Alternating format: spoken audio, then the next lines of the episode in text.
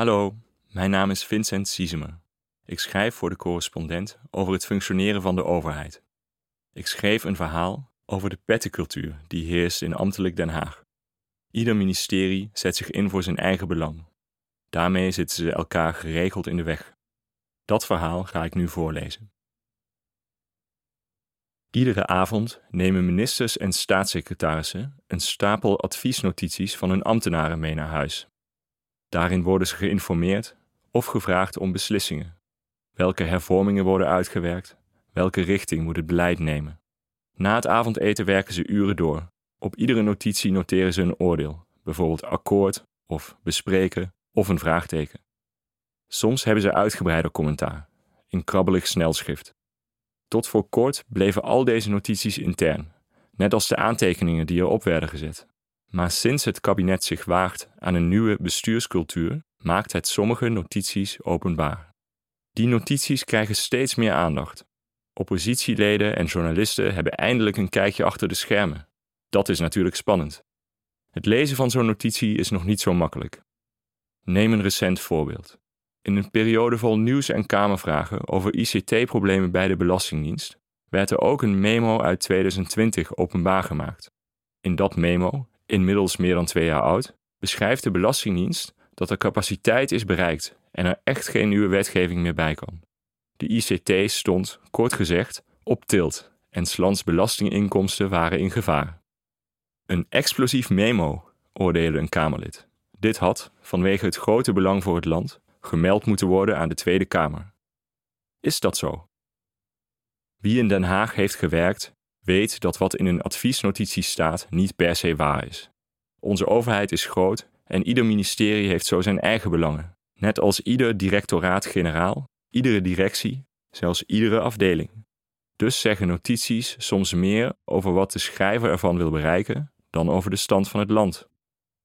Dat zie je bijvoorbeeld als het gaat over onze economie. Vraag je het aan ambtenaren van economische zaken, dan glijdt onze economie binnenkort af tot het niveau van een ontwikkelingsland, omdat onze bedrijven zich scheel betalen aan excessieve belastingen.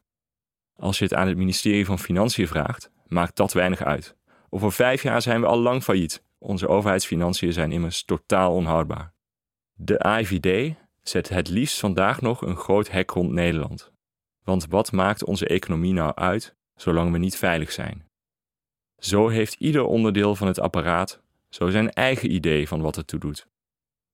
Onder ambtenaren heet dit de pettencultuur. In plaats van taken te verdelen en werk te verrichten, zetten verschillende onderdelen van de overheid zich in voor verschillende deelbelangen. De directie Klimaat wil ambitieuzere klimaatdoelen. De directie Bedrijfsleven wil meer belastingkortingen voor bedrijven. De directie Innovatie wil meer geld voor innovatiebeleid. Doordat ieder zich inzet voor zijn eigen belang, wordt een goede afweging eerder de uitzondering dan de regel. Ook de Belastingdienst heeft belangen. De dienst vroeg in het verleden al eens om een beleidspauze, om meer tijd te hebben voor achterstallig onderhoud. Minder nieuw beleid is fijn voor de Belastingdienst. Dus wat betekent het als de Belastingdienst zegt dat hij zijn limiet heeft bereikt? Voor een staatssecretaris is het, in een omgeving als de Haagse, verdomd lastig om te beoordelen of zo'n somber memo de werkelijkheid weergeeft of simpelweg een poging is om nieuw beleid te ontmoedigen. Dat brengt ons terug bij de notitie van de Belastingdienst. Wie de aantekeningen op de notitie in de context van de pettencultuur leest, ziet vooral een staatssecretaris die zich opwindt over de Belastingdienst. Er is een noodspoor nodig. U wordt hier zo spoedig mogelijk over geïnformeerd, schrijft de Belastingdienst. Vraagteken, vraagteken, vraagteken, hier heb ik niks aan. Of er is een probleem of niet, antwoordt de staatssecretaris. Hierdoor houdt de keten achterstallig onderhoud en vormt dit een continuïteitsrisico op de middellange termijn, meldt de Belastingdienst. Wat betekent dit? vraagt de staatssecretaris. De Belastingdienst schrijft: Door een oplopende politieke druk komen de uitvoeringsorganisaties onder druk te staan. Krabbel van de staatssecretaris: Wat bedoelen jullie? Welke oplopende politieke druk? Enzovoort. Is het dan niet nieuwswaardig als de Belastingdienst zulke dingen opschrijft? De notitie bevat in ieder geval geen onderbouwing van die stellingen. Zie hier het desastreuze effect van de pettencultuur. Zelfs de overheid vertrouwt de overheid niet meer.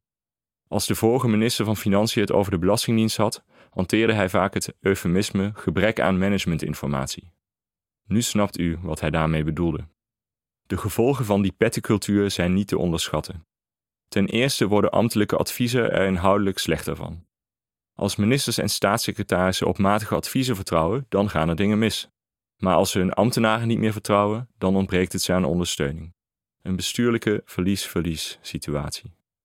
Daar komt nog bij, ook Kamerleden, journalisten en kiezers zijn afhankelijk van ambtelijke informatie. Over welk belastingbeleid uitvoerbaar is, bijvoorbeeld.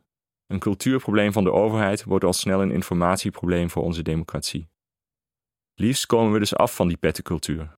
Maar hoe? Een eerste stap is om ambtenaren minder te belonen voor hun politieke handigheid, in Den Haag ook wel politiek-bestuurlijke sensitiviteit genoemd, en meer voor hun inhoudelijke expertise. Maar dat zal niet makkelijk zijn, want hoe hoger je in de ambtenarij komt, hoe meer de politiek juist onderdeel wordt van je functie. Gelukkig kunnen we ook buiten de overheid iets doen. De ambtenarij is immers niet de enige plek waar over beleid wordt nagedacht. Dat gebeurt ook bij politieke partijen, denktanks en onafhankelijke inspecties. Democratie is gebaat bij dat soort tegenmachten. Zij zorgen ervoor dat journalisten meerdere bronnen hebben en kiezers beter worden geïnformeerd. Versterken we deze tegenmacht, dan versterken we onze democratie. Wat ook belangrijk is, is openheid. Want ook als notities niet al te sterk zijn, krijgen Kamerleden, journalisten en kiezers op zijn minst de feiten te zien die in die notities staan, als deze openbaar worden. Of, zoals in het voorbeeld van de notitie van de Belastingdienst, het gebrek aan managementinformatie. Politicoloog Simon Otjes heeft laten zien: al lopen we nog achter op sommige landen, de Nederlandse overheid wordt steeds opener. Die openheid is soms even wennen en vraagt iets van ons allemaal.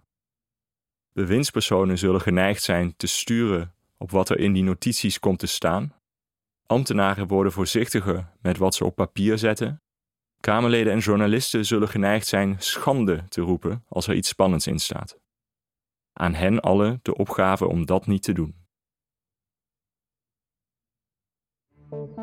Het is de missie van de correspondent om voorbij de waan van de dag te gaan. Onze correspondenten voorzien het nieuws van context en schrijven over de grote thema's van deze tijd. De correspondent geeft me de vrijheid om mijn nieuwsgierigheid te volgen en de tijd om verhalen te schrijven. En zo probeer ik onzichtbare structuren zichtbaar te maken en een andere kijk te bieden op debatten die het nieuws domineren.